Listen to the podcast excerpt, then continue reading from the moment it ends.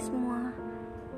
Hari ini aku mau ceritain ke kalian Tentang cinta yang gak bisa menyatu.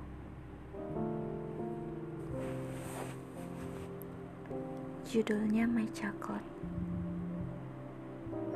Diposting di salah satu blog Khayalan Siswa Mujo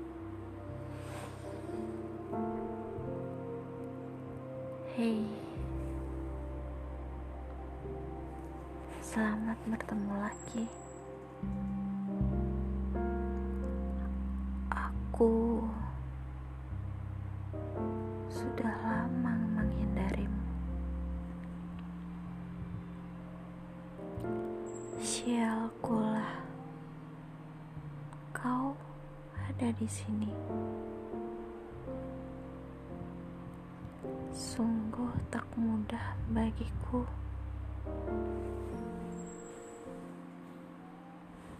Rasanya tak ingin bernafas lagi. Tegak berdiri di hadapanmu kini. Sakitnya merasuki hati dan jantung ini melawan cinta yang ada di hati.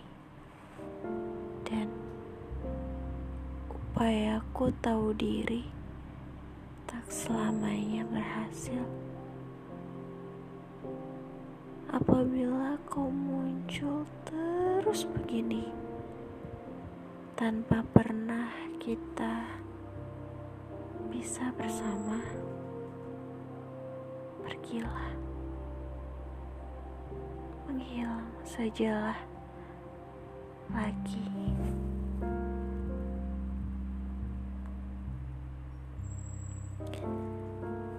Berkali-kali kau berkata, kau cinta, tapi tak bisa. Berkali-kali ku berjanji untuk menyerah. Mau dia Ayunda tahu diri. Hari ini aku kembali bertemu sosok yang bertahun-tahun begitu sulit untuk lupakan. Entah apa yang membuat perasaanku begitu gentir melihat dia berdiri tak jauh dari tempatku. Cinta, namun tak bisa. Sepintas kata-kata itu membuat jantungku begitu cepat. Dia melihatku Secepat mungkin aku membalikan badan dan berharap dia tak melihatku dan memperhatikanku. Mulutku tak berhenti komat kamit. Lupakan, lupakan, lupakan. Selangkah demi selangkah kakiku mulai keluar dari keramaian. Tempat yang tepat di sini. Di kursi bercat hijau, sedikit berkarat ditemani lampu taman tersorot di beberapa bagian. Gemericik air terdengar jelas. Entah apa yang aku rasakan saat ini. Air mata seketika membasahi pipiku. Teringat beberapa tahun yang lalu sosoknya begitu mencintaiku, namun kini entah aku tak mengerti. Tak sadar seorang memegang pundakku begitu lembut. Hei, kenapa nangis? Aku spontan membalikkan kepala. Sosok tak asing kulihat Sosok tak mungkin kulupakan. Sosok yang selalu membayangi hari-hariku. Sosok yang baru saja aku lihat di keramaian.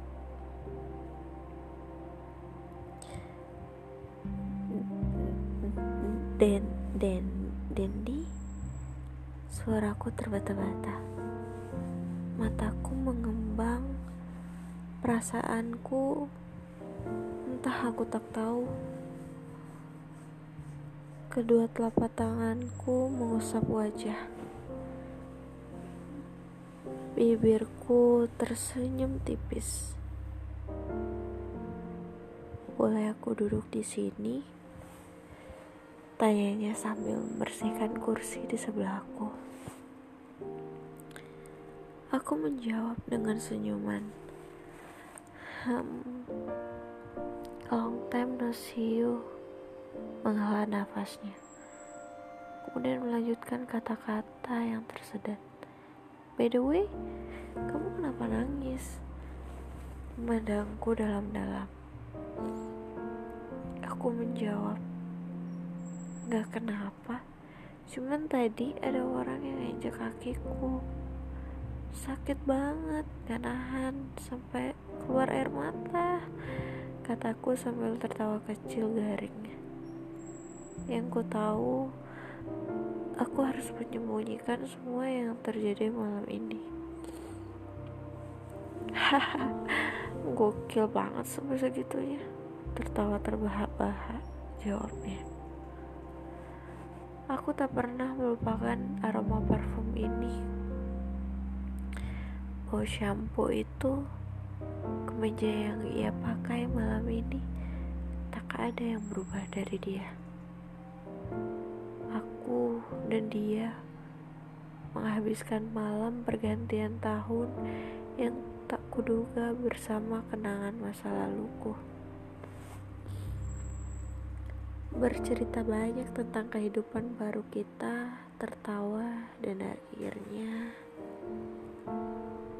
dia berkata, "Sinta, Suaranya terdengar begitu jelas memanggil namaku. Aku kangen banget sama kamu. Kangen yang dulu. Aku terdiam dalam tawa. Kataku dalam hati. Dia bilang apa? Aku bodoh banget sih. Gak mungkin dia bilang gitu.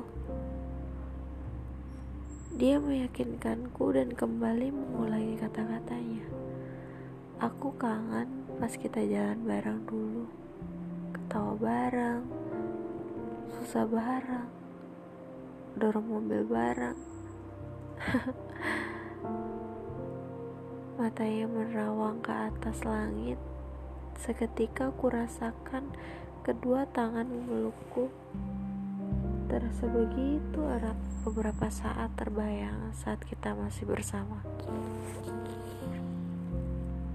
Ya, dua tahun yang lalu. Aku tak pernah lupa saat itu aku membuat sebuah kebohongan besar dengan orang tua Dendi. Dendi mengenalkanku pada ayah dan ibunya di tengah syukuran rumah barunya. Sinta, ucapku, sambil menjabat tangan orang yang baru saja aku kenal. Aku melihat sosok wanita yang begitu keibuan namun sedikit tomboy. Mengenakan kerudung putih dengan baju bermotif bunga-bunga, nampak serasi dengan bros yang digunakan. Wanita itu tersenyum masam Entah apa yang membuat hatiku ragu saat itu. Aku mengikuti prosesi syukuran sampai selesai. Aku duduk di sebelah Dendi dengan perasaan was-was. Doa-doa agama Islam dilantunkan. Tiba-tiba, Ibu Dendi mendekatiku. kamu gak hafal ya? Tanyanya sinis. Seketika jantungku serasa ingin copot. Aku hanya tersenyum masam. Bingung harus jawab iya atau enggak.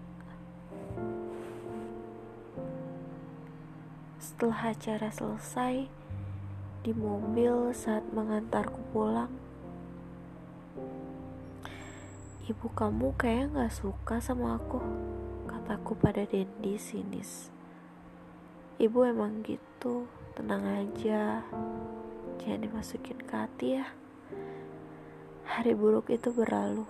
Berapa bulan aku gak pernah lihat sosok wanita itu lagi. Perasaan bersalah timbul setiap kali aku dengar Dendi lagi kumpul sama keluarganya. Aku ngerasa ada hal yang paling berdosa yang pernah aku lakukan. Aku mulai melupakan hari itu. Beberapa saat kemudian, ada odalan di Pura Uluwatu. Saat itu adalah upacara di Pura Uluwatu. Seperti biasa, aku dan keluargaku bersiap untuk sembahyang ke Pura Uluwatu yang penuh misteri bagiku.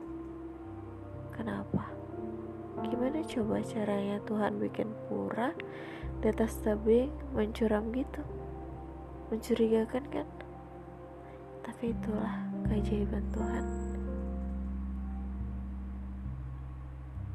Di tengah perjalanan, tiba-tiba mama yang seketika menghentikan laju mobil di salah satu warung, memintaku untuk turun membeli korek gas. Saat itu, aku melihat keadaan di sekitarku.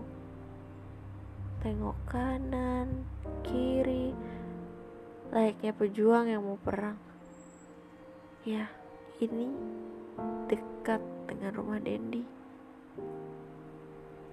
Hatiku menggebu-gebu, berharap nanti Dendi keluar dari rumah dan lihat aku. Dengan pede aku turun dari mobil bergaya elegan dan masuk ke sebuah warung. Bu, beli korek gasnya satu. Aku ngeliat rumah Dendi bersemangat.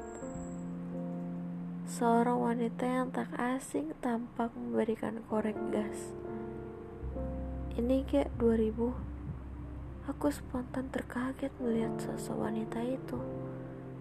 Aku yang pakai baju kebaya ciri khas agama Hindu dan ibu Dendi yang pakai kerudung otomatis kaget lihat aku yang tadinya disangka aku adalah agama Islam dan muncul saat syukuran. Ternyata aku Hindu. Ya aku Hindu dan Dendi adalah Muslim. Saat itu aku hanya bisa tersenyum masam. Beberapa jam setelah kejadian itu, seorang dari kejauhan berbicara lewat telepon. Suara yang tak asing aku dengar. Kamu Sinta kan? Saya ibunya Dendi. Saya minta kamu jangan berhubungan lagi sama anak saya. Tut, tut, tut, tut. Tanpa sempat mengucapkan sepatah kata pun, suara telepon itu terputus. Tak lagi terdengar suara orang yang sedang berbicara. Jantungku spontan berdetak kencang, begitu kencang dari sebelumnya mataku spontan terburam. Bibirku bergetar basah. Telepon di tanganku terjatuh ke sofa.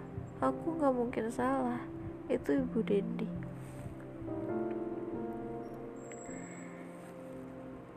Tiga hari kemudian Dendi berusaha menghubungiku.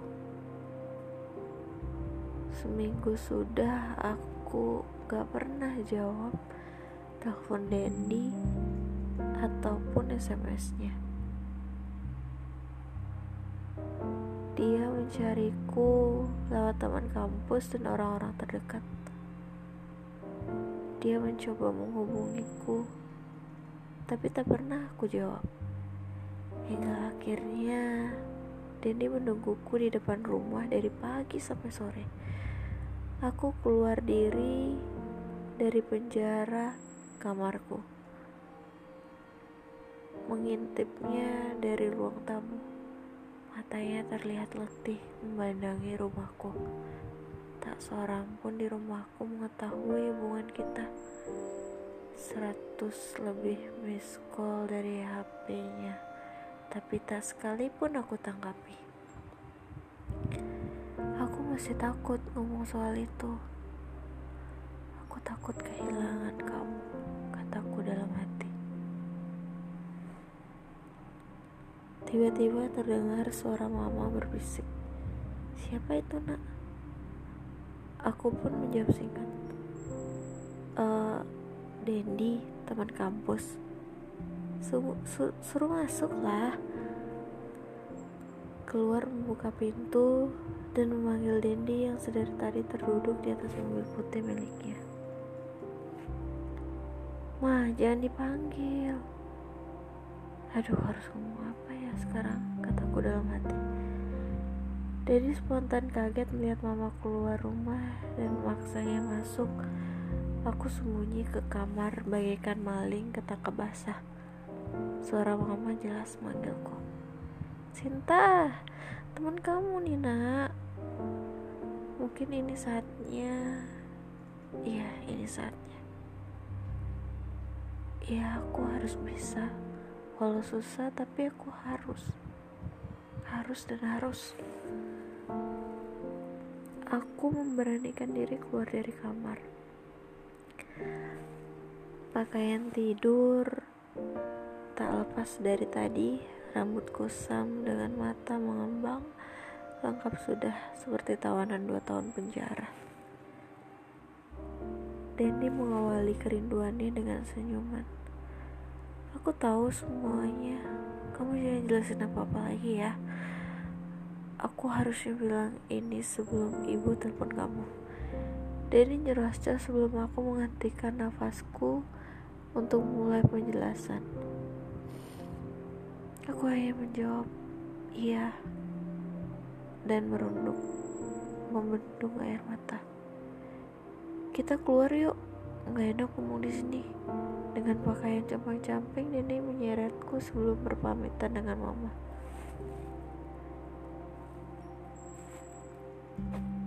Suara ombak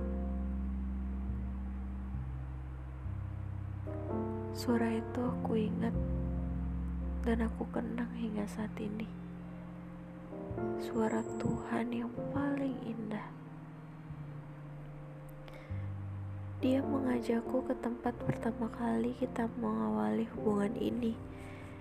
Dan entah, mungkin ini adalah tempat terakhir pula aku dan dia menjalani hari-hari bersama. Sinta Aku belum pernah ketemu seorang seperti kamu sebelumnya. Kamu adalah perempuan yang paling istimewa di hatiku setelah ibuku.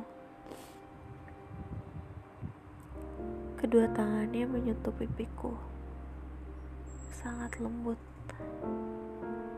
Namun, ini pilihan yang berat antara ibu dan kamu. Tatapannya begitu tulus bibirnya bergetar namun kata-katanya murah kembali mungkin kita memang harus akhirin ini aku cinta kamu tapi gak bisa mataku mulai membendung suaranya mulai tak terdengar samar kita gak pernah mungkin bisa jalanin hubungan ini tanpa ada restu dari ibu ataupun mama kamu nanti. Aku hanya mengangguk ini sulit. Kalau kita maksain kehendak kita sembunyi-sembunyi akan lebih sakit nantinya. Suaranya begitu dewasa buat aku mencoba mengikhlaskannya.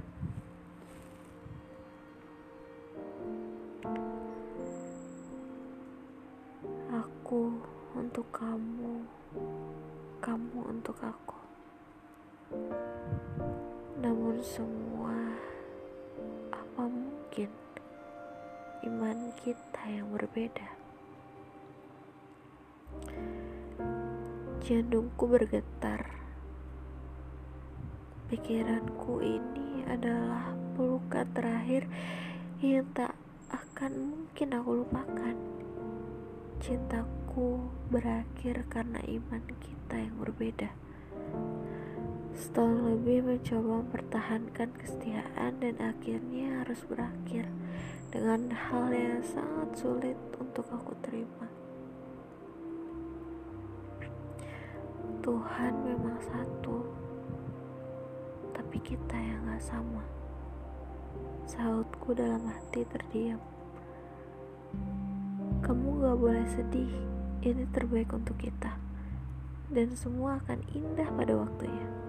Jawabku dalam hati.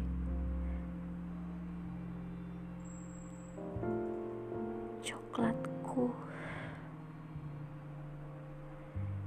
Hingga hari ini Tak ada seorang pun yang mampu menggantikan sosok yang telah menjadi separuh dari hidupku.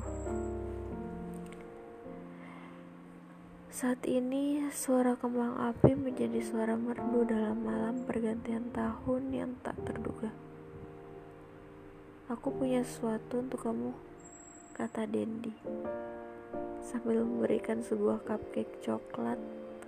Tara, ini yang nemenin hari-hari aku tanpa kamu. Dulu kamu pernah bilang paling suka sama coklat dan aku paling suka sama cupcake. Jadi aku beliin cupcake rasa coklat. Kita ketawa kecil.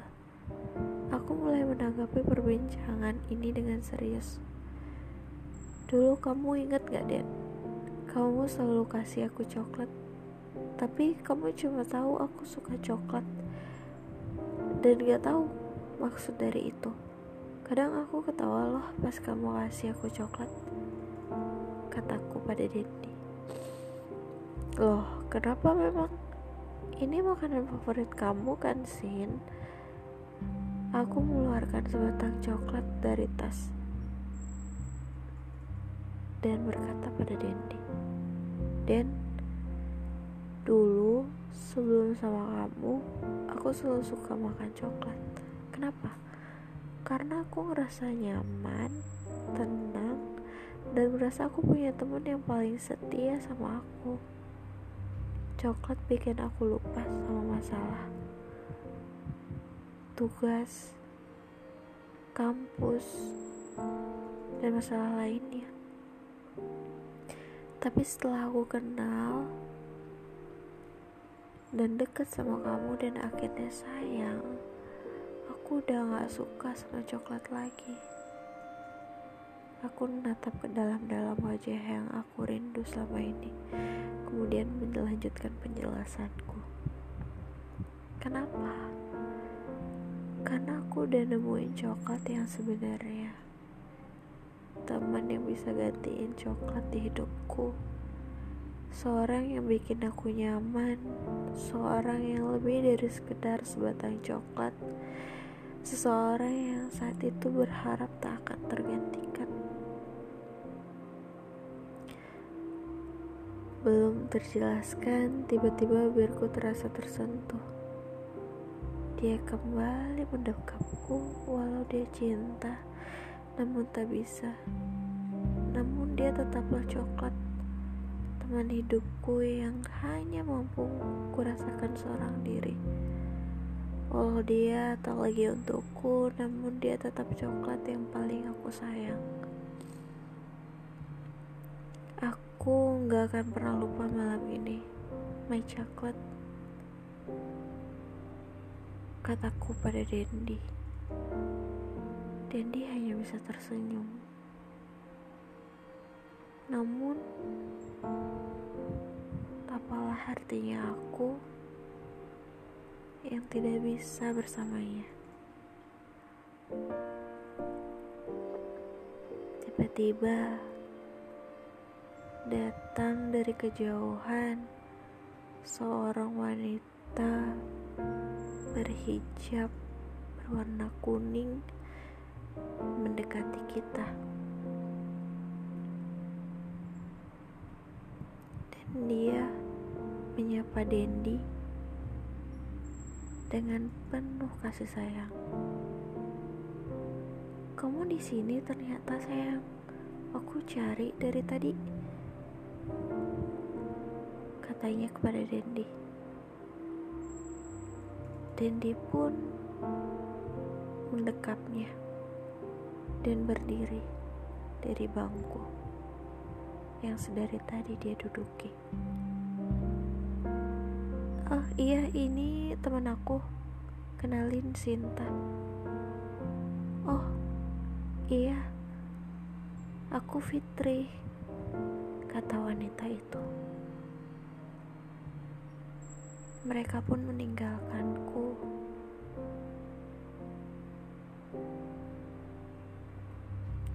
Dan meninggalkan cerita pergantian tahun baru ini dengan ingatan yang gak akan pernah aku lupakan. Kekecewaan, kesedihan, dan keputusasaan. Tapi dari sini aku belajar. Sebelum mencintai seseorang, kita harus pastikan kita gak akan pernah nemuin halangan itu dan bisa untuk hidup bahagia selamanya sama orang itu. Sebelum kita memulai hubungan, kita harus meyakinkan diri kita bahwa dialah orang yang tepat bukan hanya sekedar cinta sesaat yang membuat hati jadi terluka karena tidak bisa bersama.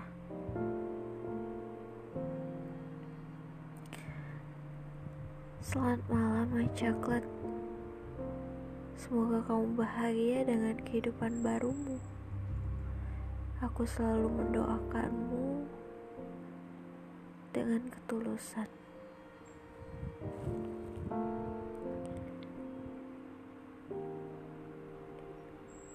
Itu dia tadi sepenggal kisah Sinta dan Dendi tentang cinta tapi tak bisa. Semoga yang ngalamin ini gak langsung patah semangat. Kalau kalian cinta kalian bisa perjuangin itu. Tapi tetap keluarga adalah yang utama. Selamat melanjutkan aktivitas